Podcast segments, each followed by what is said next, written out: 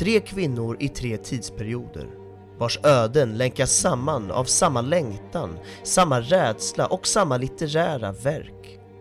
Den första är Virginia Woolf som 1923 ger sitt liv åt romanfiguren Clarissa Dalloway. Den andra är Laura Brown, en hemmafru som inte kan sluta läsa just den romanen. Den tredje är Clarissa Vaughan, en modern version av Mrs Dalloway. Filmen är skriven av David Hare och är baserad på boken The Hours skriven av Michael Cunningham. Steven Daldry står för regin och i rollerna ser vi bland andra Nicole Kidman, Julianne Moore, Meryl Streep, Ed Harris, Stephen Delane, Claire Danes, Allison Janney, John C. Reilly och Miranda Richardson. Filmen hade svensk premiär den 28 mars 2003. Den är en timme och 50 minuter lång och hade en budget på 25 miljoner dollar. Av sina totalt nio Oscarsnomineringar kammade den hem priset för bästa kvinnliga huvudroll som tilldelades Nicole Kidman. Idag ska vi prata om The Hours.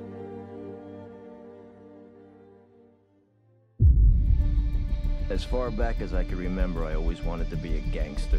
The first rule of Fight Club is you do not talk about Fight Club. Did you eat all this acid? That's right. Music! What is real? How do you define real? Du är leksak!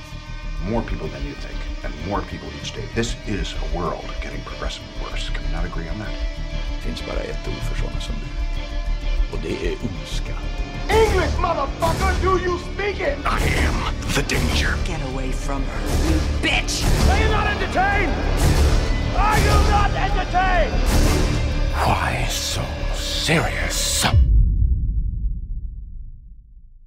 Hej allihopa och välkomna till ett nytt avsnitt av Spoiler alert med mig Joel Keskitalo och med mig så har jag Benjamin Gabrielsson. Yes, och eh, det här är avsnitt 34, det ser jag redan glömt bort, trots att du sa åt mig för typ 10 sekunder sedan. Det är avsnitt 34, eller hur? Det stämmer. Det stämmer, det är avsnitt 34. Vi ska prata om filmen The Hours idag, Ja, som du valde. den valde jag, stämmer. Så eh, fan berätta, på vilken väg är det? Hur blev det The Hours? Jo men, det är så här att jag, eh, för det första, det finns lite olika anledningar, men för det första så var det så att jag kände eh, för ett tag sedan, eh, innan sommaruppehållet, att fan, vi har poddat om många filmer med jävligt mycket gubbar på sistone, och då kände jag okej, det skulle vara skönt att få in lite härliga kvinnor som är liksom, ja, bryter det här jävla gubbmönstret som vi håller på med.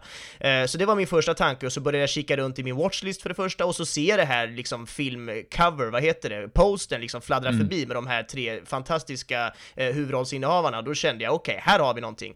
Nästan samtidigt som det då så kommer min syster och tipsar mig om en bok, för jag skulle ju ut och resa i somras, och då tipsar hon mig, för jag vill ha lite tips på någon nice pocket jag kunde ta med mig, och då så tipsar hon mig om den här då filmen, alltså vars bok eh, den är baserad på, Timmarna som den också heter, eh, The Hours, och ehm, ja, och, och då så blev det så här, men fan vad perfekt, jag har ju nyss funderat på att se den här och podda om den, det är klart jag läser boken och så kan jag jämföra lite med det, och sen så, ja, har det ju bara helt enkelt blivit så att jag valde, det är helt perfekt. Ja, och jag minns ju när du sa att eh, du hade valt den här filmen också, hur glad du var att du för en gångs skull har en bok att kunna luta dig tillbaka på. Ja. Eh, nu vet inte jag hur ofta det har, eh, jag, jag tror det har hänt mig ett par gånger, men eh, ja, det, det är nice, ärligt talat, att har man en film som är baserad på en bok, den övergången är ju inte alla gånger självklar. Jag menar, man har ju sett framgångsrika försök på det och mindre framgångsrika Ja. försök. Så jag ser faktiskt fram emot att höra lite tankar från dig, för jag har inte läst den här boken ska tilläggas. Så Nej. ja, det ska bli spännande att höra om du ser några tydliga skillnader eller så här, väldigt eh, så här, bra likheter och där de lyckades eller inte lyckades få med och så vidare. Mm, absolut. Ska vi spara det lite mer till slutet kanske, eller vad tänker vi om den grejen? Ja, absolut. Absolut. No Mm, Då gör vi stress. det. Ja, Men eh, alltså, spontana tankar då? Jag tänker återigen, passar den till dig? Du får börja. Vad tyckte du spontant om den? ja men spontant så eh, gillar jag den här filmen extremt mycket. Den har verkligen satt sitt spår inom mig på ett sätt som filmer inte alltid gör. Jag tycker ju om film extremt mycket, det tror jag de flesta har förstått som lyssnar på den här podden, och det finns olika sätt en film kan tala till mig som person. Den här filmen lyckades tala till mig på ett väldigt så, eh, ja men nästan existentiellt sätt där jag bara känner wow, livet och det, det är liksom storyn och berättelsen som talar till mig. Det kan väldigt ofta vara så att jag fastnar för olika tekniska detaljer. Det har jag ju snöat in på tusentals gånger hur, hur bra saker kan vara utförda i en film och jag blir glad och upprymd av det. Ja. Men här är det snarare liksom själva storyn och berättelsen och historien som, som får mig att bli mindblown. Så att jag, jag blev faktiskt så tagen av den här filmen att jag kände att nej men vad fan, har, har jag insett rätt? Eller liksom överdriver jag min egen känsla för filmen nu? Så jag, jag to, tog och såg om den bara dagen efter och, och, och fördjupade mig i det. Jag satt liksom med papper och penna och försökte lista ut vad är det som händer i den här filmen? Vad är det som gör det? Och nej, men det slutar med att jag fucking älskar den. Det är helt fantastiskt. Wow. Det är en av mina favoritfilmer någonsin. Jag vågar faktiskt Wow, uttrycka det okej. istället. Ja. Jävlar, du drar på höga växlar. Jag drar på högsta jävla växlarna faktiskt. Oh, och det, så får det vara den här gången. Ja, men det är jävligt kul att höra, eh, ärligt talat. Och eh, du och jag har ju pratat om våra lilla så här, divide vi har när det kommer till vad vi betonar i en film. Ja. Eh, att jag brukar ju oftast vara den som betonar storyn, liksom dialogerna och liksom den delen av det. Och du brukar ju som du sa lyfta upp det tekniska. Ja. Och som vi också brukar tillägga, det här utesluter ju inte varandra från att kommentera på, liksom, inom citationstecken, varandras grejer. Utan jag kan ju vara minst lika intresserad av så här, kamerarbete som du kan vara story. Ja. Men det brukar ju ändå te sig att vi går åt våra respektive håll. Men i det här fallet så låter det som att du verkligen har fokuserat på, ja som sagt, inom citationstecken, mitt område. Så det ska bli jävligt intressant att höra vilka spaningar du har. Ja, verkligen. Ehm, Själv då, spontana Men tankar? eh, ja, och, och bara för att tillägga det, jag var ju inte riktigt lika mindblown som du var. Eh, det låter som att det är nästan omöjligt att bli i och med att du gick, du gick så långt som att säga att det är en av dina favoritfilmer. Och jag kan ju inte säga att den var så Personligen tycker jag inte att den var så bra, Nej. men eh, den var ju otroligt bra, vill jag ju fortfarande Ja. tillägga. Alltså den var... Jag skrev här i mina anteckningar ett ord, gripande. Ja. Jag tyckte den var väldigt gripande i, och vi kommer gå in djupare på vad var som var gripande, men alltså så här, livs slash eh, dödsfilosofierna, så här, eh, porträtterandet av depressioner och så här, tidshoppen med, ja den, den hade jävligt mycket, men eh, väldigt så här behaglig filmupplevelse, och som sagt väldigt gripande. Mm. Ja men vad härligt, vad kul. Det ska bli kul att snöa in sig lite mer på vad, vart vi skiljer oss och vad vi faktiskt tycker lika och så Mm. vidare. Ja. Eh, så, själva filmen då. Eh, jag tänkte att vi börjar i eh, berättarstilen, i den änden. Ja, okej. Och eh, bara för att ge lite, för att eh, kontextualisera, ett sånt fint ord som jag har börjat använda. Härligt. Eh, hela, vad heter det, filmen. Så den här filmen är ju berättad utifrån eh, tre olika timelines kan man ju säga. Ja. Vi har eh, Virginia Woolfs timeline som är på 1920-talet. Mm. Vi har eh, Laura Browns timeline som är på, är det, mm, vad är det? Jag minns inte riktigt. om det är 80 Precis början på 50-talet tror jag. Ja, det är 50 till och med. Det var så långt tillbaka. Och sen har vi då eh, Clarissa Vaughan. Jag kan inte riktigt uttala hennes efternamn. Kan du hjälpa mig där? Ja, jag är inte heller helt säker, men Clarissa Vaughan hade jag nog sagt. Ja, Eh, Vaughan hade jag också sagt. Meryl Streeps karaktär i alla fall. Eh, Exakt. Och den utspelar sig när då? Eh, det är ju 2001, typ, så början 00-tal. Precis. Och eh, det, de här tre har gemensamt då är ju det som liksom löper som en röd tråd genom alla de här tre timelinesen. Det är ju Virginia Woolfs eh, ja, ord kan man ju förkorta det som, Ja. men hennes eh, författande liksom och hennes tankar kring eh, ja, man, existensen, livet, liksom livet, döden och vår plats liksom i det hela. Så innan vi går allt för djupt in på själva hennes eh, tankar då, då vad, vad är dina åsikter om just det här sättet att berätta en story på, i det här fallet en film? Mm. Men jag tycker det är väldigt intressant. När vi har tre tidslinjer så här, där, där det är tre separata tidslinjer som inte egentligen korrelerar med varandra nödvändigtvis. De gör väl det lite grann liksom på slutet och sådär, men, men överlag så är det liksom tre helt olika tidsepoker, det är tre helt olika ställen, platser, det är tre helt olika kvinnor och familjer och allt vad det är. Och, och ändå så, så lyckas de fläta samman det här på ett väldigt intressant sätt. Vi har ju dels det här eh, med boken. Virginia Woolf skriver en bok som Laura Brown läser och som eh, Clarissa Vaughan eh, upplever i princip. Så att de är ju alla tre liksom sammanflätade tack vare den här boken på något hä- hä- häftigt magiskt sätt som, som är väldigt spännande. Men sen är det ju också det här med, med hela deras, ja men livet, livsångest, deras val, deras öden, deras, deras tankar, deras känslor som också flätas samman då tack vare hur filmen väljer att lägga upp det här och också boken då, hur man hoppar mellan de här olika tidslinjerna och de korrelerar med varandra utan att egentligen göra det, men just för att de gör liknande saker saker. Och det, jag tycker det är väldigt, väldigt spännande och det blir effektfullt om inte annat för att berätta eh, den här storyn på det här sättet. Ja, och det finns en annan poäng man kan eh, lyfta fram när det kommer till den här berättarstilen. Och du och jag har ju pratat lite om det när det kommer till eh, bokförfattande och inte i det här fallet då filmskapande. Eh, Ja. Jag lånade ju nyss eh, Bränn alla mina brev av dig, det vill säga Ja. Alex Schulmans bok. Och den jobbar ju lite på samma sätt, åtminstone när det kommer till eh, berättarstilen. Att vi hoppar mellan tre olika perspektiv på tre helt olika tidsepoker. Eh, ja, och man, det är en ganska lös koppling till en början, tills då Alex eh, mer och mer liksom sammankopplar det här och visar oss vad det är lite mer uppenbart i, bok, i den boken dock vart kopplingen ligger, för han är ju väldigt tydlig med att beskriva liksom vad det är han försöker förmedla här, Ja. till skillnad från i den här filmen. Men poängen är någonstans att, att jobba med olika perspektiv och olika tidslinjer gör att berättarstilen blir väldigt, eh, vad ska man säga, det blir väldigt intensiv på ett sätt som många andra inte blir. Och med intensiv menar jag i det här fallet att du vill bara ha mer hela tiden. För vad som händer, åtminstone när jag läser sånt här eller tittar på sånt här, det är att när den ena tidslinjen tar slut, eller liksom gör ett uppehåll för att välkomna den andra tidslinjen, då är man så inne i den tidslinjen att man bara vill se mer. Men man blir inte besviken över att en annan tidslinje tar vid, för då inser du att du har haft exakt samma attityd till den tidslinjen. Det vill säga att när, den tids, eh, när tidslinje nummer två, låt oss kalla det så, eh, slutade, så var du minst lika pepp på att den skulle börja som du var när tidslinje nummer ett slutade. Ja. Så det blir liksom hela tiden som små mini-cliffhangers, att du vill bara veta vad som händer i tidslinje, tidslinje nummer ett. Men när du då kommer till tidslinje nummer två så minns du att du hade samma attityd till den, och sen kommer du till tidslinje nummer tre och då har du exakt samma attityd till den. Så det gör att så här, i bokläsningens fall så går det otroligt fort, åtminstone för mig, att läsa sådana böcker, för man är hela tiden engagerad. Det liksom hinner aldrig bli tråkigt. Men det är samma sak här i filmen. Du vet, jag är minst lika intresserad av Clarissa Vogans öde som Lara Browns, och jag hinner aldrig tröttna på deras livsöden heller, för det blir att vi hoppar mellan dem hela tiden.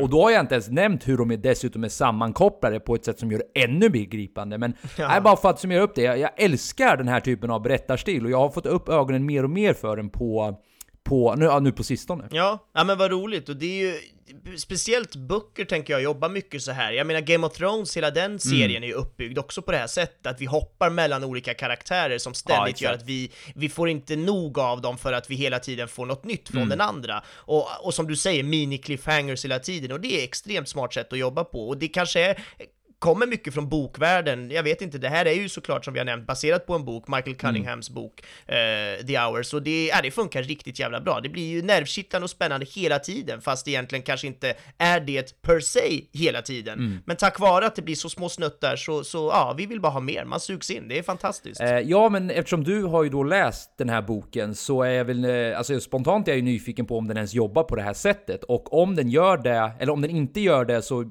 hur funkar det? Om den gör det, hur kan du jämföra det med den här filmen? Mm. Ja men de, den gör det, den jobbar ju också på det här sättet ge- genom att hoppa fram och tillbaka mellan de här olika tidslinjerna eh, och jag, jag tycker att det funkar riktigt bra. Det som är spännande är ju att det, i filmen så är det väldigt snabba hopp mellan de här tidslinjerna i och med att man kan göra saker så himla effektivt på film eftersom du visar någonting. I en bok så ska ju allting förklaras, det ska skrivas ner och du ska läsa det som, som, som läsare när du läser en bok. Därför blir det liksom lite tjockare och större avsnitt på varje person. Medan i filmen kan de hoppa mycket tätare och snabbare mellan de här och det vävs samman med, med, med, med musik och sådana saker. Så att det, det blir ett annat tempo i filmen, men det, det funkar ändå liksom som, som man ska tro att det funkar, alltså som vi upplever i filmen, riktigt jävla bra. Jag, jag älskar det i boken också. Och det är ju någonting med böcker med, med med detaljerna som finns i böcker är ju just det här med att du hör någons tankar. Vi får ju läsa vad en person tänker. Ja, det har man ju inte i en film på samma sätt, så det är ju en stor skillnad när man gör film till skillnad mot när man gör eh, böcker. Att, att det här med att någonting, det kan ju, i, i en bok kan ju förklaras i ett helt kapitel hur ett rum ser ut Mm. egentligen. Det kan du inte i en film, utan då kommer du bara in i rummet och där ser vi hur rummet ser ut. Så att det, därför ofta filmer är mycket liksom kortare och man tar bort massa, man sållar bort och så jämfört med böcker. För att det, Mm. man behöver inte och det går inte att förklara saker saker på samma sätt som i en bok. Men jag tycker de har löst det riktigt snyggt i, i, i den här, eh, ja, i den här tapp, tappningen av, av att försöka efterlikna den här boken på ett väldigt bra sätt. Jag tycker det är fantastiskt. Ja, och eh, för att lyfta upp lite där du sa med att man inte kan få med så här, tankar och så vidare i Mm. filmer lika lätt som i böcker. De har ju ändå gjort det ganska bra i det här också. Ja. Som sagt, nu kan inte jag dra några kopplingar på själva bokläsandet, men här får man ju ibland se, eller lyssna, ja, både och antar jag, när Virginia Woolf speciellt, men jag tror alla karaktärer, så reflekterar, eh, vad heter det, över, ja, men, eller så får man höra deras eh, deras tysta läsning över raderna. Så Mm. de lyckas ju ändå få med det en bit, eh, eh, mer än vad många andra filmer eller serier lyckas med. För ta till exempel, jag brukar alltid säga det här till folk som har varit så intresserade av Game of Thrones, att är ni intresserade av Game of Thrones, ta och läs böckerna. Och jag säger inte det här bara för så här, ja det är alltid mer nice att läsa böckerna. Det är det också, men det jag säger är snarare att nu får ni ju faktiskt tankarna bakom deras handlingar hela tiden. Och det öppnar liksom upp en helt ny dimension av eh, förståelse för de här karaktärerna. Jag, jag brukar lyfta upp Tyrion Lannister som ett exempel. Ja. När han... Eh, Minor spoilers till Game of Thrones här nu då, men det är nästan en så här självskriven faktum att de flesta har sett det här och det kommer inte vara sådana spoilers som det att det förstör det för. Men när Tyrion är i Kings Landing och han styr och ställer och liksom spelar sitt politiska spel, det är ju en sak i serien. Det är ashäftigt på alla sätt och vis. Men i böckerna får du ju hans resonemang bakom allting också. Vilket öppnar ju som sagt upp en helt ny värld av eh, förståelse för den här karaktären. Och då för att dra tillbaks det här. Eh, här har de ju ändå lyckats till stor del fått med de där reflektionerna. För nog för att, jag menar, Nicole Kidmans blick säger ju ibland allting. Och det är något vi ska gå tillbaka till när vi pratar om skådespelare, eh, skådespelarinsatserna. Men ovanpå hennes blick, ovanpå hennes reflektioner, så har vi ju också hennes liksom monolog i huvudet. Så eh, utan att ha läst boken då, men bara för att förstärka det du sa. De får ju med den, de- den aspekten också. Som sagt, inte lika bra som boken såklart, men att de ändå får med en del av det här i, i filmen. Ja, verkligen. Och speciellt på Virginia Woolf-karaktären. Det känns som att hennes tankar hör vi kanske mer, eller Mm. hö- hör vi ens de andras? Jag blir osäker på det. Det känns som att de... Nej, vi, vi hör, det, det jag syftade på framförallt var att vi hör när Laura läser ur boken, Ja, vilket är, är. Mm. ju då fortfarande Virginias tankar. Ja men det är sant, precis. För de andra, Virginia Woolf, hennes tankar hör vi lite mer och det kanske har någonting med hennes liksom nästan schizofreni-liknande liknande be- beteende och sådär. Att, men, men de andra kvinnorna får vi ju mer ta del av deras agerande och deras, eh, ja, det de gör helt enkelt. Och där kan jag ju verkligen känna att det finns ju delar i boken där de fördjupar sig, där vi verkligen får ta del av tankegången. Varför åker Brown till det här hotellet för att läsa den här boken? Varför lämnar hon bort sin son? Det är ju mycket mer liksom accentuerat och tydligt i boken varför hon gör det beslutet. Det, det visar ju sig, sig till slut som helhet ändå i filmen, men det blir helt annan beskrivning i boken på, på det sättet. Men ja, är det är verkligen eh, intressant hur man gör skillnader på det här sättet. Att få en bok att bli en film, det är ju spännande i sig, verkligen. Ja, verkligen. Och som jag nämnde tidigare så vi har ju mer eller mindre framgångsrika exempel på det. Jag tycker till exempel att av allt jag har sett så tycker jag att Sagan om ringen fortfarande är Alltså den bästa på den övergången, ärligt talat. För det är så mycket material de ska försöka trycka in i de här filmerna. Och de, de måste såklart sortera och välja vad som de tycker är mest relevant och så vidare. Men personligen har jag aldrig sett ett bättre exempel. Alltså, jag kan ju hitta bättre exempel på, du vet, kortare filmer, smalare böcker, du vet. Det är väldigt straightforward där. Men just Ja. vilket megaprojekt det är att ta de där gigantiska story, böckerna och du vet jättestora stories som eh, J.R. Tolkien har skrivit och få över det till filmer. Ja, det, det är sjukt imponerande. Men Verkligen. det är bara en sidopoäng. Eh, innan vi lämnar det, jag skulle bara vilja fråga lite snabbt. Är det något mer du känner jämförelsevis med boken du skulle vilja lyfta som du tycker den här gör bra eller dåligt? Eller känner du att du, du fick med det där? Nej men jag fick nog med det mesta, jag kan väl bara flika in och säga att ni som känner mig och ni som har lyssnat på podden förut, ni vet ju att jag har ett erkänt otroligt dåligt minne, så för mig blir det ju att de här två världarna flätas samman lite grann. Jag, jag, jag, jag, jag ser filmen och tänker lite på boken och jag, jag tänker vänta var det där Ja, med eller inte, så jag, jag är egentligen fel person att, att utesluta eller att berätta exakt vad det var som var rätt eller fel eller vad det var som inte var med och, och var med Mm. kanske. Men ja, så att det, det finns skillnader, vissa mindre och ett par då mer större uppenbara, så är det. Eh, ja men okej, ska vi gå lite djupare in på vad fan den här jävla Virginia säger? Vad är det hon tjatar om Benjamin? Ja, vad är det? Det är väl någonting. Det är spännande. Det är ångest om inte annat, men det är väl också det här vad är det, sökandet i livet, sökandet Mm. och meningen i livet och, och hela den grejen. Vem är man och vilka val har man gjort och varför och, och ja, sökandet helt enkelt. Mm. Ja, ja, verkligen. Och jag skulle ju vilja lägga till i det här sökandet den här konstanta närvaron av döden i den här Ja. filmen. Alltså, vi har ju...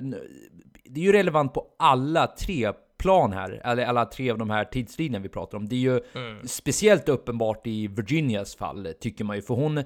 Jag vet inte om, om, jag, om mitt minne sviktar i det här fallet, eller om det är uppenbart. Men vad är det hon har drabbats av? För det är ju hela tiden så här implicit att du kommer att dö om du inte gör X, och du vet, du, må, du får inte eh, stressa dig. Vad, vad är det hon lider av? Ja, det, jag, jag det skulle bara säga att det är någon slags eller galenskap Ja, det alltså det tror jag, precis. För att hon, de pratar ju om att hon hör röster, hon ska ta medicin och hon Ja. har begå, försökt begå självmord flera gånger och hon får ju knappt gå utanför huset själv. Så att Mm. allt det tyder ju på att det är någon slags psykisk eh, depression slash schizofreni slash liksom, ja, nå- något åt det hållet helt enkelt. Ja, exakt. Så det handlar inte om en fysisk så här att hon, hon, har- hon har liksom drabbats av någon cancerliknande sjukdom som äter iväg det hennes- tror jag nej, inte, i så fall har jag missat det totalt. Nej, nej, men eh, jag ville bara make sure så att vi är on the same page. För det gör ju det desto mer intressant, för då kan man ju argumentera för att det är reflektioner och tankar.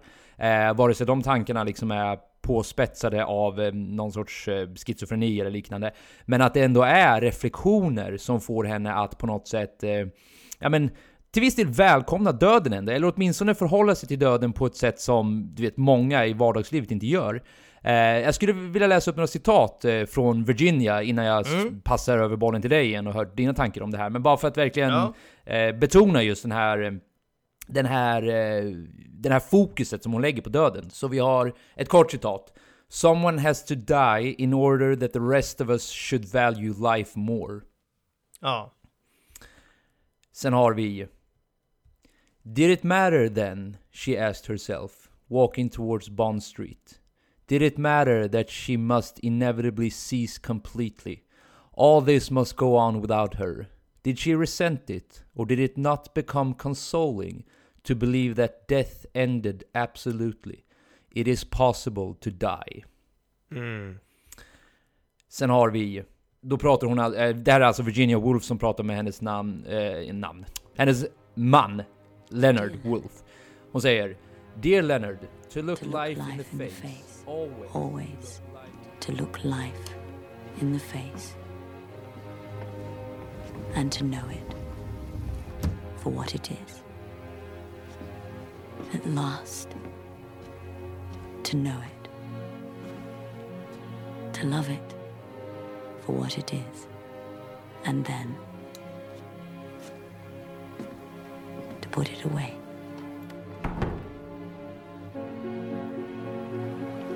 Leonard.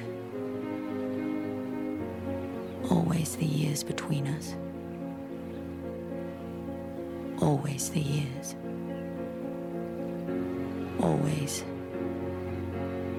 the love.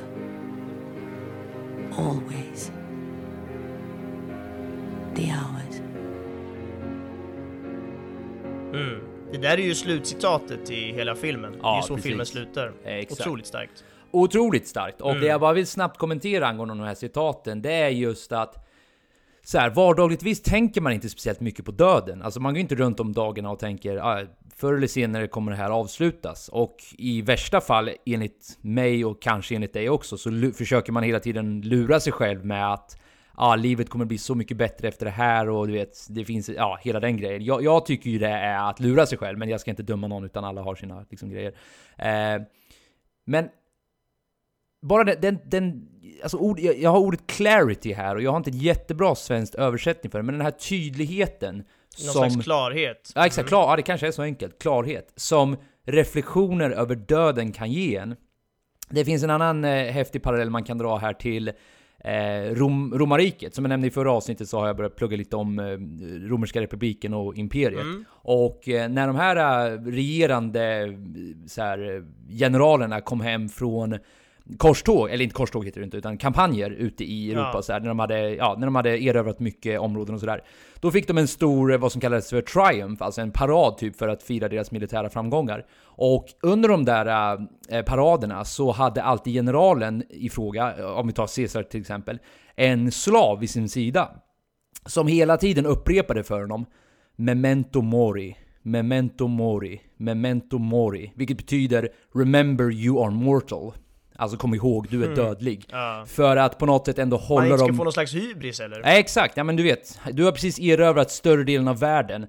Men kom ihåg, du är också dödlig. Ja. Som sagt, det, det här är liksom ett återkommande tema man kan se genom filosofier och man kan se det genom historien och man ser det jättetydligt i den här filmen hur tankar om döden får en oundvikligen att titta mer på livet. För vad är motsatsen till livet? Det är ju döden uppenbarligen. Så eh, jag ska jag kan fortsätta så här för evigt, för den här filmen är fylld av såna här referenser. Men jag ska bara avsluta med jag tycker ju det här är den röda tråden genom alla de, eller en av de röda trådarna, för det finns mer liksom, ämnen man kan lyfta. Men jag tycker att alla våra tre protagonister liksom har det här med sig, tack vare då Virginia Woolfs reflektioner om liv och död hela tiden. Och vilket då också slutar med att hon accepterar döden. Och man kan tycka att det är mörkt på alla sätt och vis, men jag väljer att se det från en ljusare point of view, att att på något sätt du vet, komma över rädslan för döden. Kommer du över den rädslan, vilket är den ultimata rädslan, så har du ju ingenting att frukta längre. Och som sagt, det är jättetragiskt att hon inte kan leva livet och så vidare. Men jag tycker ändå att det är någonting vackert med det, på ett väldigt så här, mörkt sätt ändå. Jag, jag, jag vet inte, jag, jag har fortfarande svårt att sätta ord på det riktigt, men det är någonting i att vi har fått följa med, och, så här, filmen börjar ju dessutom med hennes död, vilket Ja. i sig är jävligt intressant, men det är någonting med att få följa med hennes dödsreflektioner hela tiden, vilket gör att jag tillsammans med henne på något sätt accepterar att ah, hon väljer döden helt enkelt. Och det är inte, det behöver inte vara mer dramatiskt än så. Eh, så ja, livets uppskattning tack vare reflektioner på döden. Vad tror du om det? Mm. Ja, men jag tror att det är nyckeln i allt det här, verkligen. För att det är ju som så ofta, eh, tror jag, att man tänker på döden, dels av nyfikenhet, men också såklart för att det är en slags utväg. Det är en slags utväg från ångest, från depression, från livet i sig, vad det nu än är, om det är glatt eller inte glatt. Men just att, att det där är ju den där dörren som alltid finns där ändå. Den finns där som en slags utväg, det finns där som en slags livlina, eh, ironiskt nog motsatsen då, dödslina. Alltså man, man kan ta den genvägen om man vill, bara för att komma ut från det här livet som vi lever. Och det kan ju som, som du är inne på vara supermörkt, det kan även finnas någonting ljust i det, det går ju att vända och vrida fram och tillbaka, men hur som helst är det väldigt, väldigt intressant. Och jag tror att väldigt många människor kan eh, känna igen sig i de här tankarna och känna igen sig i eh, döden som ett, eh, ett alternativ om inte annat eh, i såna här svåra, kanske depressiva tider och liknande. Jag tycker att det är väldigt spännande med de här olika kvinnornas ja, men reflektion av döden och också valet om att dö eller inte dö. Eh, jag tycker till exempel att Virginia Woolf där, hon, hon lever ju i ja, men någon slags total ångest med, ja men, någon slags schizofreni och grejer och hon hör röster och det, det, det är liksom inte riktigt ett vanligt liv inom citattecken. Och, och hon besatt nästan av självmord. Hon går ju och skriver om det, hon, hon liksom går och funderar på det, hon, hon, hon liksom nästan njuter lite av den här fågeln som har dött och hon liksom tittar in i dens ögon och bara nästan längtar efter döden på ett väldigt eh, intressant och eh, läskigt sätt så. Och det är väl just för att hon är, känner sig fången i sin egen existens. Hon känner ju sig fången i det här livet där hon bara är en börda för hennes man och för de här andra som måste ta hand om henne. Hon känner att hon inte kan leva ett vanligt liv, hon är inte normal inom citattecken och hela den biten. Och då blir ju döden en slags undanflykt för henne och det är ju till slut den hon väljer också. Hon väljer att ta sitt liv och på så sätt så flyr hon undan den här ångesten och existensen som hon lever med. Ehm, och det är mörkt och spännande, eh, minst sagt. Laura Brown då, 50-talskvinnan, hon lever ju det här perfekta livet inom citattecken där hon, har en älskande man och en söt son och du vet, de har det bra, de har en fin villa, det är villaområde och fin bil och liksom allting är härligt, det är guldkant på tillvaron eller vad vi ska kalla det. Och hon känner ändå där att nej men hon är inte rätt i livet, hon, hon känner sig inte Ja, men hon känner ju också en total livsångest för sitt alldeles för perfekta liv. Har hon valt rätt liv? Har hon valt rätt man? Vill hon ens bo med en man? Borde hon bo med en kvinna? Och så vidare. Det finns ju massa olika eh, ångestelement i hennes liv som, som färgar hennes vardag helt enkelt. Och eh, hon däremot väljer ju inte döden, utan väljer då att fly. Mm. Alltså att fly bokstavligt talat. Hon, hon, hon flyr livet genom att fly sitt bokstavliga liv som hon lever just då, med familj, man och barn. Mm. Så hon flyr undan på det sättet, vilket gör att hon inte väljer döden, men hon väljer heller inte att acceptera sin tillvaro som hon har just nu, vilket också är intressant. Mm. Sen har vi ju tredje eh, personen då, Clarissa Vogan, Meryl Streeps karaktär, som också har ångest, men kanske lite mer en slags prestationsångest då, och eh, det inför den här festen såklart som hon ska hålla, men den festen är väl nästan någon, någon, någon typ av metafor för hennes liv och för att hon har prestationsångest Mm. överlag i sitt liv. Vad gör hon med sitt liv? Bor hon med rätt person? Borde hon bo med en man eller en kvinna? Har hon tröttnat lite på sin partner? Eh, borde hon fortsätta ta hand om den här Richard som hon tar hand om så mycket? Borde han liksom släppa henne? Borde hon släppa honom? Hur mycket behöver de varandra? Vem behöver vem mest? Behöver hon honom mer än... Det är liksom otroligt många svåra tankar i hennes vardag där hon känner att vem fan är jag och vad gör jag och vart, vart ska jag ta vägen? Och hon får ju sin slags uppvakelse, vad heter det? Hon får ju sitt slags ehm, uppvaknande då av att Richard istället eh, tar sitt liv. Han är den som gör den här stora förändringen för henne, vilket hon såklart inte vill. Hon, hon skulle aldrig tillåta honom att hoppa ut genom fönstret. Men det finns ändå någon slags lättnad inom henne tror jag, att, att hon, hon känner att wow, det där var ändå en stor sten i mitt liv. Hans ångest färgade av sig på hennes ångest och hon kände att hon var tvungen att ta hand om honom. Hon, han ville inte att hon skulle det, men de gjorde det och det blev ett, ett svårt förhållande som, som ingen av dem i längden tror jag tjänade så mycket på och det kände hon nog fast hon kanske inte riktigt ville erkänna det för att det är ju hemskt att erkänna att du, jag vill inte ta hand om dig längre. Eh, och, men när Får jag bara väl- avbryta lite snabbt Absolut. där? Får jag, bara, jag vill bara fylla på exakt det där du pratade om nu. Eh, det där, det är också ett citat jag nämligen skulle vilja nämna. Det sista som eh, Clarissas man då säger innan han hoppar ut från fönstret. För det är precis som du säger, han har ju till och med uppmuntrat henne att i princip lämna henne. Han säger ju flera gånger att du lever inte livet längre utan du är liksom, eh, det känns som att, ja, jag tror han till och med säger att det känns som att jag håller mig vid liv för din skull. Men jag tycker hans citat är så jävla mäktigt när han säger i slutet, precis innan han hoppar, han säger Isn't it strange? Most ordinary morning in anybody's life. I'm afraid I can't make it to the party, Clarissa. Hmm. The party doesn't matter. You've been so good to me, Mrs. Dalloway. I love you. I don't think two people could have been happier than we've been. Och sen hoppar han ju då. Ja. ja, men det är ju otroligt starkt, liksom det, dels det han säger och också det som de båda känner där. Och jag tycker det är så fint på något sätt att se Clarissas uppvaknande efter det här, hur hon inte alls får någon slags panikångest, hon sätter sig inte och, och, och, och gråter i flera dagar och stänger in sig, utan hon står ganska rakryggad, hon står i köket och funderar lite och sen så tar hon upp ett så stort fat med mat och bara tömmer ut det i papperskorgen. Lite som att du vet, hon städar bort det gamla, in med det nya, hon, hon, hon försöker liksom gå vidare här nu på ett ganska smart sätt. Hon, hon inser att det här kan vara chansen för mig att få det här uppvaknande. Hon går in till sin partner och ger henne en, en otroligt sån eh, liksom stark och passionerad kyss som, de, som de inte har gjort alls i hela filmen. Det har ju känts snarare som att hon, Clarissa, har tröttat lite på sin partner, men här då så är det nästan som att hon embracear henne och verkligen säger men gud, det är vi två, vi ska göra det här nu och, och hon får ju det här uppvaknandet och det är, det är fint. Hon väljer ju i det här fallet livet. Hon väljer livet och lyckan som hon just nu har med nära och kära och fortsätter med det och, och kör på. Jag tycker det är så spännande hur de här tre olika tidslinjerna, tre olika eh, karaktärerna har så lika öden, har så lika liv, men ändå väljer tre helt olika utgångar, utfall, som, som också, eh, ja, som blir väldigt, väldigt intressanta helt enkelt. Ja, man kan ju nästan säga att det är någon sorts utveckling. Det här är bara någonting jag kom på nu i stunden. Men att Ja. Nicole Kidmans karaktär, alltså Virginia då, hon dör fysiskt. Varpå Laura Brown dör så här metaforiskt, att hon så här, lämnar familj och så vidare. Ja, hon försvinner ju från dem om Ja, annat. försvinner från Ja, dem. Och sen att då Clarissa lever. Alltså att det Precis. eh, så här, jag vet inte hur mycket jag ska göra av den kopplingen, men jag, jag började se det så i mitt huvud nu. Alltså, vi har död, vi har metaforiskt död och vi har liv. Ungefär som att Ja. så här, tillräckligt mycket tankar ändå förde oss tillbaka till att jo, det är ändå värt att ta vara på den här möjligheten. Precis, och jag skulle nästan kunna spinna vidare, för jag har haft samma tankar också. Jag satt här i natt Mm. och skrev massa anteckningar och kunde typ inte sova för att jag satt och tänkte så mycket på den här filmen och skrev massa grejer. Och då var jag inne på just det här att det är genom de här tre kvinnornas liv, det är genom deras liv som det sker en slags total jävla katarsis, du vet så här rening och uppvaknelse, eller vad fan heter det? Ja, men bara så här eh, på nytt födelse i princip, där då liksom Wolf begår självmord, man kan säga att hon misslyckas med det här med vad, vad livet nu ska vara, om livet nu är att leva och, och vara lycklig.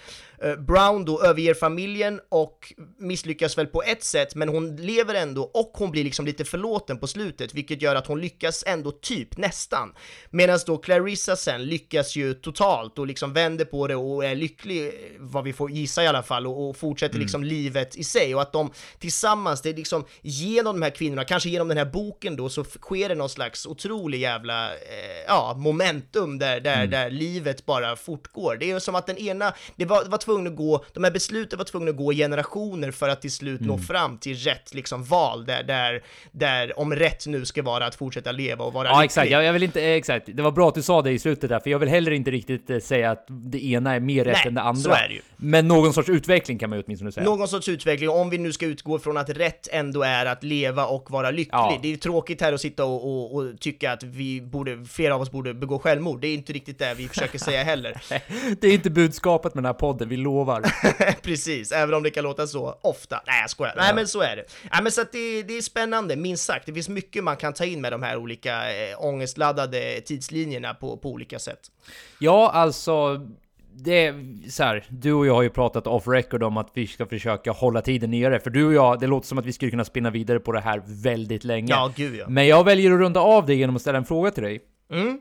För vi vi har liksom diskuterat kring den här filmen nu, vi har diskuterat så här, död, liv, de djupare lektionerna som man kan dra. Men du la väldigt mycket betoning på att du personligen påverkades av det här. Ja. Så jag är bara lite nyfiken på om du kan utveckla det lite mer. Hur känner du själv att, om, du, om det inte det blir för personligt för dig, men hur känner du varför, varför tror du den här var så extra gripande för dig?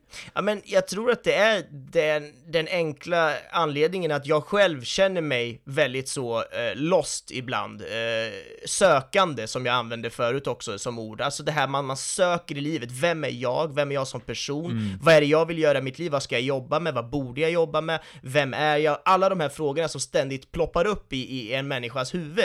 Eh, I de flesta människors huvud i alla fall, tror jag. Det, det är sådana frågor som har på sistone i alla fall varit väldigt nära mig och jag har haft en del ångest. Det finns ångest av många anledningar, men en del av det har varit så här, ja men vem fan är jag och vad håller jag på med? Ångesten som, som många känner och då har den här filmen fått mig att liksom omvärdera och den har fått mig att förstå att ja, det kanske är ändå någonting vackert med det här livet. Det finns någonting vackert i de här små sakerna som vi gör som gör en lycklig och det, det är sånt som den har bara fått mig att tänka mer på, fått mig att ja, omvärdera vissa val jag har gjort och tyckt att fan, ja, det går ändå ganska bra nu. Jag ska kanske vara lycklig nu och det, ja, det finns någonting härligt i det som jag tyckte den här filmen påminde mig om, om inte annat. Ja, nej men fan vad vackert att höra. Nej, det är för som du säger, det, må, alltså, det här är ju speciellt nu i eh, de, eh, vad ska man kalla det, de moderna tiderna vi lever i, när så här, våra materiella tillgångar är säkra så till den graden att vi inte behöver frukta för våra liv. Eh, då dyker det ju helt plötsligt upp, alltså Buddha sa ju för 2500 år sedan, vilket så här imponerande Förrgår. i sig att, ja eller hur, i förrgår, det var liksom så här, vi, vi hade ett snack över en kaffe han och jag. Eh, nej men han pratar ju mycket om att mänskligt lidande så här, kommer ifrån vår otillfredsställelse. Mm. Att det handlar hela tiden om att vad vi än får så kommer vi aldrig helt att nöja oss. För världen vi befinner oss i är flytande. Alltså då menar jag inte så att vi så på något sätt springer runt på en flotte, utan att snarare att allting du kan uppleva kommer oundvikligen att försvinna. Allting är temporärt. Det finns inget, du kan liksom inte hålla fast vid någonting, utan du går från upplevelse liksom till upplevelse, kick till kick, och allting är in, under konstant förändring. Så Buddhas, eh, nu behöver man inte liksom här, nödvändigtvis eh, gå in på hela buddhismen och hela deras, det finns jättemycket olika grenar där och det finns mer och mindre religiositet beroende på vart du väljer att studera. Men jag gillar det centrala budskapet att det är den här otillfredsställelsen, den här, det här liksom itchet du hela tiden har, som gör dig olycklig, liksom long term. Och jag tror att upptäcka det, att upptäcka att nej, nej, nej, det handlar inte om vad ska jag göra efter podden, utan det handlar om att ditt liv är här och nu, när du säger de här orden till Benjamin och när ni kära lyssnare hör.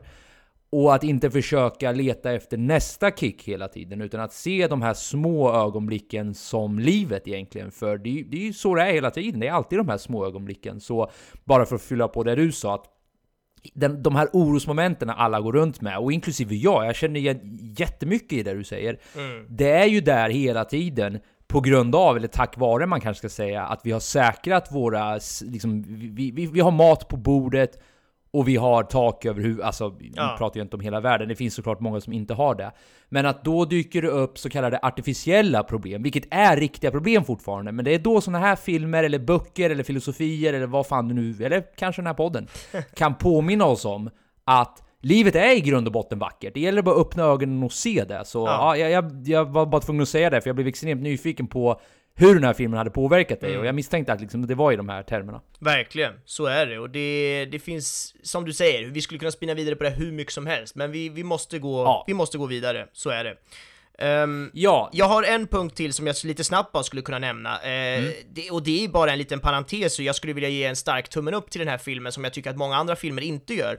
Och det är just det här med att det är flera, ganska många karaktärer som på ett eller annat sätt är homosexuella eller bisexuella eller har liksom en partner av samma kön och så vidare. Det är många kyssar mellan kvinnor och så vidare. Och jag tycker det är väldigt, väldigt härligt att det inte kommenteras. Det är liksom ingen som säger, jag tror inte ordet gay eller homosexuell används en enda gång i hela filmen, och det är liksom ingen som påpekar att det är en grej. Folk är bara lite gay, folk är bara tillsammans med en tjej eller liksom så här. Det, det är bara så de livet är är. genuint dragna till varandra. Exakt, och det finns något uppfriskande med att det finns också såna här filmer och böcker i det här fallet då som inte måste problematisera egenskapen av att vara gay, för det är såklart att det är en minoritet och det har varit jättejobbigt och det är viktigt att det finns många filmer som belyser problemen det kan medföra, eh, har medfört för folk som har eh, levt i, i ett gayförhållande och så vidare. Det är klart att det är viktigt, men det är också viktigt att i såna här filmer bara normalisera det och låta det vara osagt, utan det är bara någonting som sker för att så är det i livet, ibland är någon gay och så är det med det. Så att det tyckte jag var väldigt uppfriskande att den här filmen gjorde det på det här sättet. Ja, så här, som sa, skönt att de inte trycker ner i halsen på oss och försöker göra ännu en lektion över det. Det var liksom inte där fokuset Ja. låg i den här filmen, utan det är som du säger, det är skönt.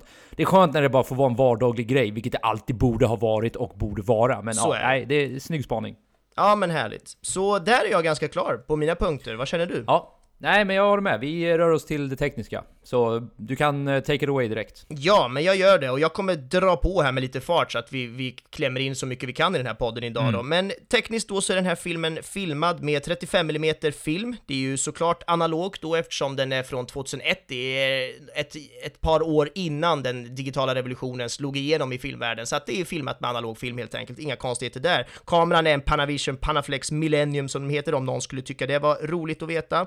Ehm, Överlag så tycker jag fotot är väldigt vackert och stilrent, men det är inget som jag tycker är sådär extraordinärt och, och eh, väldigt så, eh, ja, på något sätt konstnärligt utmanande kanske, utan det gör sitt jobb och det gör det väldigt bra, så är det. Däremot så tycker jag att det är andra saker som gör att den här filmen verkligen sticker ut på olika sätt och det är till exempel setdesignen som det heter, det vill säga allting, alla saker och föremål som vi ser i bild.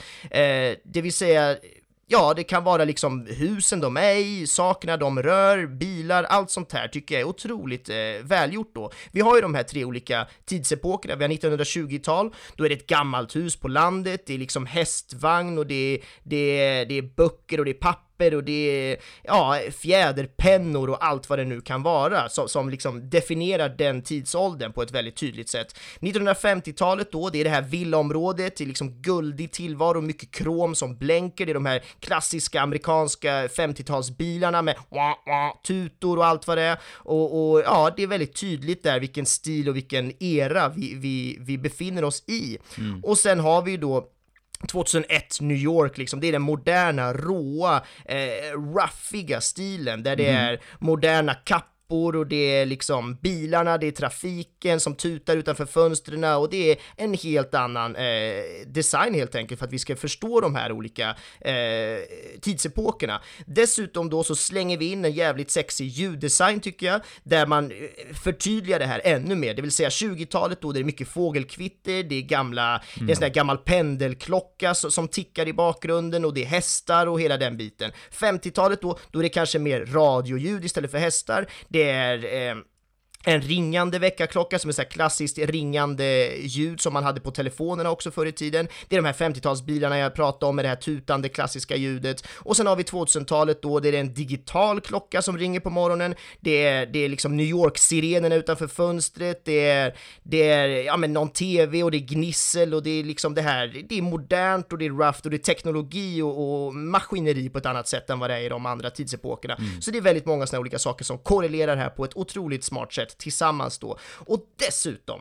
för att då förtydliga det här ännu mer med de här olika tidsepokerna, så slänger vi också med en väldigt eh, härlig färgkorrigering, eller grading som det kallas. Mm. Det vill säga hur de här olika tidsepokerna skiljer sig med färg och ljussättning. Och då har vi ju till exempel Um, det här, uh, ja men 1920-talet, där det är eh, ganska gröna toner, gröna färgtoner, det är mycket natur, det är mycket liksom gröna parker som de är i och det, det speglar av sig även i, i färgkorrigeringen överlag, att det är liksom ett, nästan ett grönt litet skimmer över alla de 1920-talsscenerna.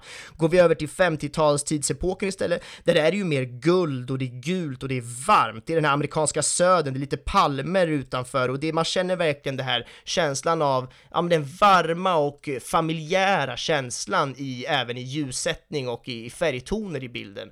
Och sen då så har vi New York, det här moderna kalla, där är det snö på mm. marken dessutom som hjälper till att få den här kalla känslan. Det är mycket vita lampor och, och, och mycket så ljust och vitt som, som ska kännas rough, modernt och kallt. Inte lika familjärt, inte lika naturligt, alltså det här gröna som var i 1920-talet, utan istället en kall och hård tillvaro som, som med mycket betong och snö och ja, det här väldigt New Yorkiga stämningen på det helt enkelt som där får representera den moderna tidsepoken på ett väldigt tydligt sätt. Och det här, de här olika olika grejerna jag har nämnt nu jobbar de extremt bra med för att verkligen hjälpa till och accentuera och hjälpa oss att känna av vilken tidsepok vi nu är, för det hoppar ju snabbt mellan de här olika tidsepokerna. Mm. Så därför är det ju bra att det är olika ljudläggningar, olika färgtoner och olika liksom miljöer vi får vara i, bara för att göra det tydligare för oss som, som, ja, som, eh, som, som, ser det här helt enkelt. Det, det, där var faktiskt någonting jag hade tänkt att nämna när vi pratade om den här berättarstilen förut, men jag, jag glömde bort mm. det. Eh, det var bra att du sa det nu. Hur viktigt det verkligen är när du hoppar så här mellan, ja men du har ju tre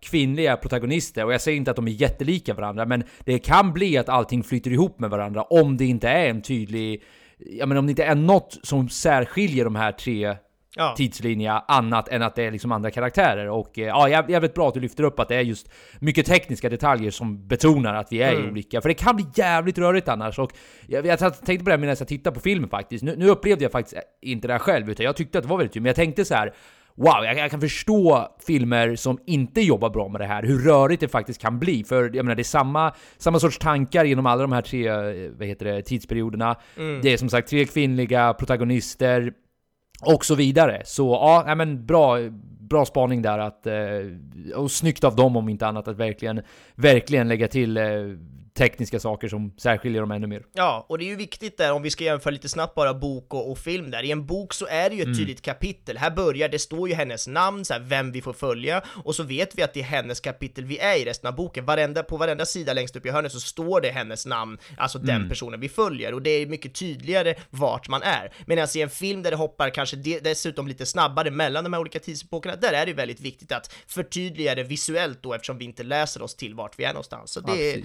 väldigt, väldigt väldigt snyggt. Um, och sen då så måste jag ju nämna den otroligt vackra musiken.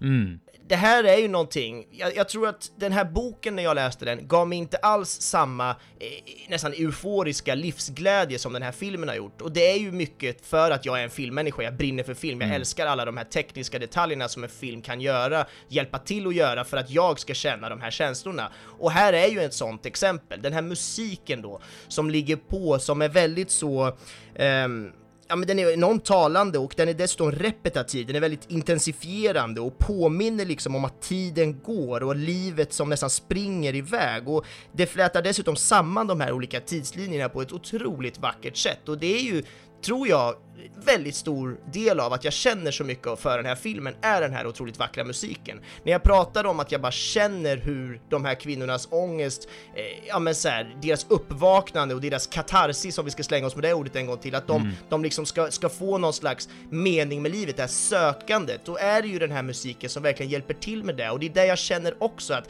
när jag går runt här i livet, jag, jag vill egentligen bara ha på mig musik hela tiden och känna mer av vad livet gör, för det är så fucking härligt. De här små sakerna. Idag ska jag åka till Stockholm och sen ska jag jobba på en inspelning. Det är kul och det är viktigt att komma ihåg att det är kul och därför är livet roligt. Det finns ett citat som eh, Clarissa Vogue säger i filmen, jag hoppar in halvvägs in i citatet här nu, och då säger hon So, this is the beginning of happiness, this is where it starts, and of course there will always be more. It never occurred to me, it wasn't the beginning, it was happiness, it was the moment right then. Och det är det där jag tycker det är så viktigt, att vi måste försöka förstå mer att vi är en del av, vi är i lyckan nu, man ska inte vänta så jävla mycket på lyckan, man ska inte vänta så mycket på vart vi är på väg och sen ska jag bli lycklig och sen ska jag vara lycklig för evigt, det finns inget sånt. Nej, utan för att lycka ska finnas så behöver du bli olycklig en liten stund för att sen kunna bli lycklig igen. Och att ta vara då på de här lyckliga småpunkterna i livet. Jag ska gå och träffa min familj eller jag ska gå och äta middag med en kompis eller det. De här små sakerna, bara ta vara på dem och vara jävligt lycklig i de stunderna. Det tror jag är viktigt och det har den här filmen tack vare allt det här tekniska och den här fantastiska musiken fått mig att känna och där, jag är nästan gråtfärdig bara nu jag tänker på det, men fan vad jag älskar livet helt plötsligt Joel! Ja, det är vackert, det är vackert. Fan, det var, vad heter det, det senaste du sa nu fick mig att tänka på ännu ett annat citat, så eh, ni får se det här som citatavsnittet, men Ja, det är från eh, Alan Watts, så här, eh, Ja. filosof, eh, österländsk, eh, eh, ja men populariserade mycket av österländsk filosofi under 50, 60, 70-talet. Mm. Eh, och jag kan rekommendera er att youtuba Alan Watts eh, Music and Life.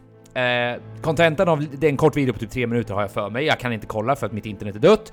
Eh, en annan historia som jag inte kommer gå in på här.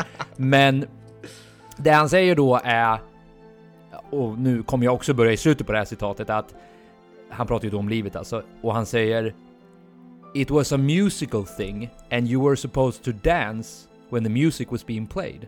Mm. Alltså att det handlade inte om att komma till den sista tonen. Ja. Hänger du med? Vi ska inte stressa någonstans, utan det var en dans alltihop. Ja. Allting var en musikal och det du skulle gjort, om du nu skulle gjort någonting, det var bara att njuta av musiken. Ja. Eh, och sen bara metafor till det Mm. du sa, men ja. Fan, jag får ju också gåshud nu när, när, när, vi pratar om det här. Ja men det är härligt ändå, det är det här jag tycker det är så fint att en film kan få en att känna så mycket, det är då jag, och det blir ju någon slags metakommentar också till min egen jävla sökande i livet, jo just det, det är ju det här jag vill hålla på med, det är ju därför för att jag känner så mycket av den här filmen som jag vill hålla på med film, för att det är det som gör mig lycklig och det är därför jag ska hålla på med det här, och det på något sätt är ett jävla metauppvaknande om inte annat som jag är fan taggad på. Mm, men att då samtidigt njuta av hela processen, att liksom hela, att ta, ta, ta, ta åt sig av varje ögonblick hela tiden, att inte stressa, stressa fram någonting, alltså så här, "Ja, jag måste leverera den här filmen vid det här tidslaget, utan nej, nej, det är processen det handlar om. Verkligen, och nu gled vi över från det tekniska in på så här livsångest igen, bara för att det är så svårt att hålla sig borta från det, men så får det vara Ja, det får den här bli så, avsnittet. ja, det får bli så. Ja. Men du, lite skådespeleri då kanske? Ja, för eh, ja, absolut. Ja, men så här, får jag bara börja där. Absolut. Jag sa ju till dig innan att det, alltså Nicole Kidman, Julianne Moore och Meryl Streep. Ja. Jag, jag, jag skiter nästan i resten av skådespelarinsatsen. alltså, jag, jag gör inte det på riktigt. Jag tycker Steven Dillon och eh, Ed Harris, Ja, liksom ja. eh, ansikten vi har sett på senare dagar i Westworld och Game of Thrones. Fantastiska på sitt sätt, men Aj, alltså det, det är så jävla kul tycker jag att se tre kvinnliga protagonister för om det är min egna bias eller inte, jag, jag, jag ser bara inte jättemycket filmer där liksom det är kvinnliga... Man, jag ser är en del av så filmerna, är så det. är jag det kan tyvärr. avbryta det direkt. Jag har Ja. ju studerat det här inom filmhistorien, alltså hur mycket män och män och män allting har handlat om i alla dessa Mm. tider. Det är ju nu på senare dagar som till exempel alla nya Disney-filmer helt plötsligt handlar om kvinnliga protagonister istället för manliga, Mm. för att det alltid har varit så. Och det är skönt att vi är på väg åt rätt håll, men den här filmen som nu är skriven, som är baserad på boken såklart då, kom Mm. ju för länge sedan och det är härligt. Som du säger, uppfriskande. Tre kvinnor, starka, och det är, är riktigt skönt. Ja men verkligen, och vi har ju pratat om Meryl Streep tidigare. Jag såg henne faktiskt i, i en film igår också, The Iron Lady, som handlar om Margaret Thatcher. Den kan jag rekommendera också om ni vill se en ja, mm, stark kvinna i huvudrollen, och Meryl Streep är fantastisk där också. Ja. Men jag vill ändå bara ge det till att jag tycker Nicole Kidman är, om de där tre de här tre protagonisterna jag pratar om, Nicole Kidman, Julianne Moore och Meryl Streep, är liksom de knuffar bort männen här. Så tycker jag Nicole Kidman knuffar bort de andra två. Alltså jag har aldrig sett Nicole Kidman så bra i någon film tidigare. Och jag ska vara helt ärlig, jag har inte sett jätte, jättemånga filmer, kanske fyra, fem stycken. Men jag tycker var, alltså, bara hennes, när hon sitter där och reflekterar, när hon sitter där med, är det en spliff hon har i... i men typ, i, jag antar det, eller? Eller om Ja. det är en... Eh, Ham- hemrullad cigarett, någonting, ja. Ja, i alla fall. När, när hon bara sitter där och reflekterar över vad hon ska skriva, vad hon ska sk- Vänta, vad sa jag nu? Vad hon har skrivit, vad hon ska skriva och liksom hur hon tänker om livet. Mm. Alltså, det... Ja, men det var lite det jag menade med gripande förut, att... Och det, det, det kopplas också upp ganska snyggt till det första jag pratade om, det här med att man är så taggad på de olika storylines i den här tiden. Att den ena slutar spännande och då vill man se nästa och så vidare. Jag tycker Nicole Kidmans storyline var den bästa av dem. Och inte för att jag på något sätt vill trycka ner de andra, utan de var ju bra på sitt sätt. Men nej, jag, jag vill verkligen ge det till den. Att det, det var länge sedan jag såg en så här bra eh, skådespelarinsats måste jag ändå Ja. säga. För alltså hatten av till eh, alla inblandade, men framförallt Nicole Kidman, för mig i alla fall. Mm, nej men jag håller med. Det, det, jag tycker alla de tre, det är helt otroligt. Och just eftersom vi får se dem så mycket allihopa, det hoppar ju mellan dem och vi liksom flätas ju, de flätas samman och våran upplevelse på något sätt flätas samman i de här tre kvinnornas otroligt starka porträtterande av, av de här karaktärerna. Det, det är fantastiskt. Jag, jag kommer bara sitta och återupprepa mig och kasta superlativ och grejer, så att det, det är dumt att jag gör det. Jag, jag håller med dig helt och hållet istället. Så kan vi ju påpeka också att Nicole Kidman vann ju en Oscar för den här rollen också. Ja, hon så gjorde det? är- Ja, så det är ju det ser välförtjänt om inte annat. Eh, ja, nej men eh, bra. Då tycker jag vi rör oss vidare till eh, slutord, favoritscen. Ja, Eh, ska jag börja eller? slutord det kan du köra, det är du så bra på. Ja. ja, men otroligt gripande filosofi med så här brottandet av depression och tankar om liv och död och ett häftig, en häftig berättarstil som sammanfogar tre protagonister genom de här tre olika tidsepokerna och gör det på ett otroligt gripande och eh, reflekterande och tillfredsställande sätt. Antar jag. Alltså, det är så mycket sätt jag skulle kunna beskriva den här på, men ja, eh, ja det, det är där jag landar någonstans. Ja, nej men jag håller helt med. Och det är som jag sa, den här filmen fick mig personligen att känna väldigt mycket inom mitt sökande i livet, min, mitt uppvaknande och allt det här, så att för mig träffade den otroligt eh, rakt in i hjärtat och själen. Och det, därför blir det, den hamnar uppe bland de listorna, de, de filmerna jag har på mina listor om de, de jag håller som, som högst, ja, rankade helt enkelt. Det är en av mina favoritfilmer numera, så att det är otroligt glad att jag har fått uppleva det här. Ja men kul, men har du någon favoritscen du vill lyfta? Alltså otroligt svårt, som vi så ofta säger. Men Som, här som det var brukar ju... vara ja. som det brukar vara. Nej men här var det ju svårt för att det fanns så många, dels de här tre olika tidslinjerna. Jag har väl lite slarvigt sagt att jag, jag, kan, jag kan fort nämna en från varje tidslinje och det, den första då som, det var ju det där citatet du läste upp, alltså absolut sista slutscenen när Virginia Woolf går ner i vattnet och faktiskt tar sitt liv. Den tycker, den, den är så stark för att hon läser det där brevet och det är, ja, bara otroligt stark scen helt enkelt. Så den väljer jag från, från den tidslinjen. Ehm, 50-talstidslinjen så tycker jag ju att när eh, Laura Brown sitter i den här bilen, dels när hon lämnar av ungen och han springer efter bilen, det är jättestarkt, men sen när hon hämtar ungen igen, sonen, och de åker tillbaka i bilen och hon frågar “men jag var väl inte borta så länge?” eh, och han säger “jo det var du visst det” och hon typ ler och tittar rakt fram och bara “ja eller hur?” Hon lyssnar liksom inte ens på honom, hon tar inte ens in sin egen son, han finns inte. Sonen får istället påminna sin mamma, för han känner ju att han håller på att tappa henne, han får påminna henne om att “mamma jag älskar dig” och, och, och hela den biten och hon svarar ju ja, lite svävande nästan, men jag älskar dig också. Att man, man känner det där att sonen håller på att tappa sin mamma, han känner det, hon känner det, men de ska ändå låtsas som ingenting. Ja, det är förbannat jävla starkt där i alla fall. Och eh, ja, i, i, eh, i moderna tidslinjen då, New York, eh, Clarissa, då, då blir det ju när han slänger sig ut genom fönstret, för det var så starkt där med, med, med hans citat som du läste upp förut, musiken och ja, uppbyggnaden och allting. Så att det blir de tre jag väljer helt enkelt. Eh, ja, du fuskar ju nu hör jag, Ja, för du valde ju tre, din jävel. Ja. Men jag eh, vet. nej, jag väljer jag kunde den- inte. Nej, det är ingen fara. Eh, jag förlåter dig, bara så du vet. Tack. För det är viktigt med min förlåtelse. Ja, verkligen. Nej, men jag väljer den första av dem du sa. Jag tycker eh, scenen då Virginia Woolf går ner i... Sjön, Ja, flod, vad det nu är hon liksom ja. dränker sig själv med. Och när man får höra hennes eh, eh, ja, tankarna hon har kring allt det där och det där citatet som jag läste upp förut. Och att börja en film på det här sättet har ju en förmåga att fånga publiken. Ja. Det gillar jag väldigt mycket också, att den verkligen började med en så dramatisk eh, eh, händelse. Mm. Så kort och gott så landade jag vid att det var min favoritscen. Den, den satte på något sätt tonen på Mm. vad för sorts film man kan förvänta sig. Verkligen, och jag kan bara snabbt flika in där att boken börjar med det också. Det är själva prologen gör till boken är det där när hon går ner. Så att jag, när jag kommer ihåg när jag satt och läste det, jag bara åh vad perfekt, filmen kommer börja så snyggt när hon går Ja, ner här. Jag bara satt och tänkte på hur man gör det där till film sen, och det gjorde de ju riktigt jävla bra. Ja, jag kommer, jag kommer låna den här boken av dig. Det ska du göra. Nu, är jag mer pepp än någonsin såklart. Men du, eh, vi går vidare till eh, lite roliga fakta om filmen. Och sen Ja. eh, innan vi rundar av. Det ska vi göra, och det är jag som tar fram dem, och det finns otroligt många roliga fakta. Tyvärr börjar det här bli ett långt avsnitt, Mm. så jag kommer göra det här lite hastigt och så, men gå in på IMDB, gå in på Trivias på just den här filmen och, och kolla, det finns massa kul där. Ehm, The Hours eh, var egentligen originaltiteln för Virginia Woolfs Mrs Dalloway.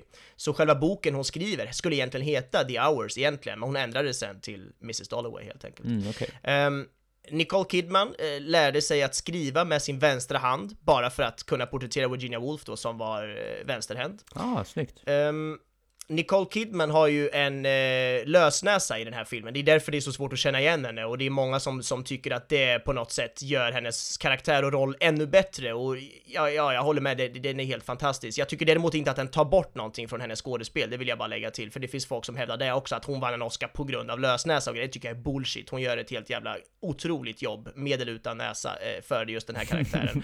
Ehm, Ja, vilken rolig fras. Medel utan näsa. Precis. Men i alla fall då, så hon älskade att ha på sig den här eh, lösnäsan faktiskt, för att hon kunde ha den privat, just för att hon eh, just då höll på att skilja sig från Tom Cruise och eh, var väldigt eftersökt av paparazzis då, som hela tiden ville plåta henne och, och vara jobbiga. Så då kunde hon ha på sig den här lösnäsan och den funkar så bra så att paparazzerna kände liksom inte ens igen henne, så hon kunde gå runt på stan med den här och, och var väldigt inkognito, så det var ju roligt. Smart. Den här filmen var faktiskt diskvalificerad från att kunna vinna det bästa smink, eh, makeup, eh, Oscar, liksom. En Oscarsstatuett för bästa smink när, när hon, eh, Laura Brown, är gammalt sminkad på slutet där. Eh, den blir diskvalificerad just för att de använder sig av eh, digitalt liksom, teknik. De har använt sig av CGI då i den här sminkningen. Och det här säger ju någonting om vart vi har kommit idag, för idag får man ju egna priser för bäst CGI och det är liksom inte alls på samma sätt, medan på den här tiden, ja men tidigt 2000-tal, där var det ju mer så här, Oscar bara wow, wow, wow, har ni inblandat en dator här? Det är inte bra, ni diskade. Så att det, man har ju omvärderat Ah, okej. det där nu i Fan, senare dagar och, och ser ju annorlunda på digitalisering inom film än vad man gjorde då helt enkelt. Ja. Ehm, ja men den sista då, Meryl Streep är faktiskt, eh, hon nämns i boken The Hours, eh, men då som en kändis som går på stan. Inte, hon har ingenting med att hon spelar den här personen såklart i filmen sen som kommer, utan hon råkar bara vara nämnd i, i boken. Så lite roligt sen att hon faktiskt var den som spelade en av de här karaktärerna i filmen sen då. Ja, så är det. Det finns hur många som helst såna här roliga fakta, så gå in och läs på IMDB. Okej, men eh, då Jo vänta, jag kan slänga in Ja. en till bara för att det, jag kom på det är en själv som jag har hittat själv faktiskt som är lite roligt. Den står inte med på IMDB. Det är ju så att eh, Richard, den här eh, mannen som, som, som slänger sig ut genom fönstret, hans morgonrock är sytt av samma tyg som sängen som Little Richie har i sitt, eh, i, i sitt sovrum där då. Det är samma mönster på sängkläderna som hans morgonrock. Och det är väl antagligen då för att knyta samman dem och påpeka att hej, kolla, det är samma person, utan att man ska tänka på det för mycket. Så ja, så det var en jävligt snygg detalj tycker jag. Ja, jag eh, la faktiskt inte märke till det under själva filmen, men kul, kul nu i efterhand att, att veta det. Ja, jag kanske får gå in och skriva med den på IMDB om inte annat. Det går ju att lägga till saker Ja, där. just det, det kan man göra. Så är det. Ja, men eh, känner vi oss nöjda där eller? Det gör vi. Det börjar bli sent och jag måste springa så att Ja. det, det får bli nöjd helt enkelt. Det får bli, vi får bli nöjda där. Eh, Ja, Fan vilket roligt avsnitt, det känns som att vi skulle kunna prata länge som helst. Men Ja. vi rundar av där och vi säger att nästa veckas film är... The Next Three Days. Och jag har ingen aning om vilken film det här är, utan jag har min filmlista här precis framför mig och jag tar bara den översta. Okej. Har du någon aning om vad det är för film? Nej, jag, tror, jag tycker jag känner igen titeln, men jag är inte säker på om jag vet eller inte. Har du ett årtal du kan slänga med där? Nej, ingenting. Jag har bara en text. Ja, men inte ens vilket år den kom, eller? inte ens årtal, jag har bara de Oj. eh, fyra orden. The next three days. Då får vi hoppas att det inte finns flera filmer som heter det så att vi kan hitta rätt. Men det, det, det tror jag att vi löser ändå. Ja, jag vet vem som rekommenderar den här filmen. Det var min arbetskollega, så jag kommer kunna dubbelkolla ifall det skulle bli något krux. Men det är i alla fall nästa veckas film. Eh, Håll koll i Facebookgruppen, Ja. för där kommer ni kunna se, där lägger vi ut exakt vad filmen heter, länk till, till vart man hittar den och allting ifall det skulle vara något krångel med det. Så håll koll på Facebookgruppen Spoiler alert helt enkelt. Exakt, och eh, förutom det så finns vi där poddar finns. Vi finns på valfri podcast app, vi finns på Spotify, vi finns på Apple. iTunes menar jag såklart. Eh, ja, men då säger vi väl tack och eh, på återhörande. Det gör vi Joel, och får jag bara lägga till att vi ska väl ändå vara glada, eller hur? Livet! Woho! Om vi ska! Jävlar, nu, nu är det en helt ny boll i rullning Ja, här. Fan, vi kommer, kommer inte behöva göra ett skit. Vi kommer bara behöva sitta och ta in allting. Eh, Underbart. Nej men fantastiskt. Ta, ta vara på eh, så här, stunderna ni har allihopa utan att låta allt för cheesy. Men vi har ett liv att leva och eh, varje moment is precious så att säga. Verkligen, så är det. Så säger vi. Vi hörs igen om två veckor. Det gör vi. Ha det bra allihopa. Hej då! Hej då!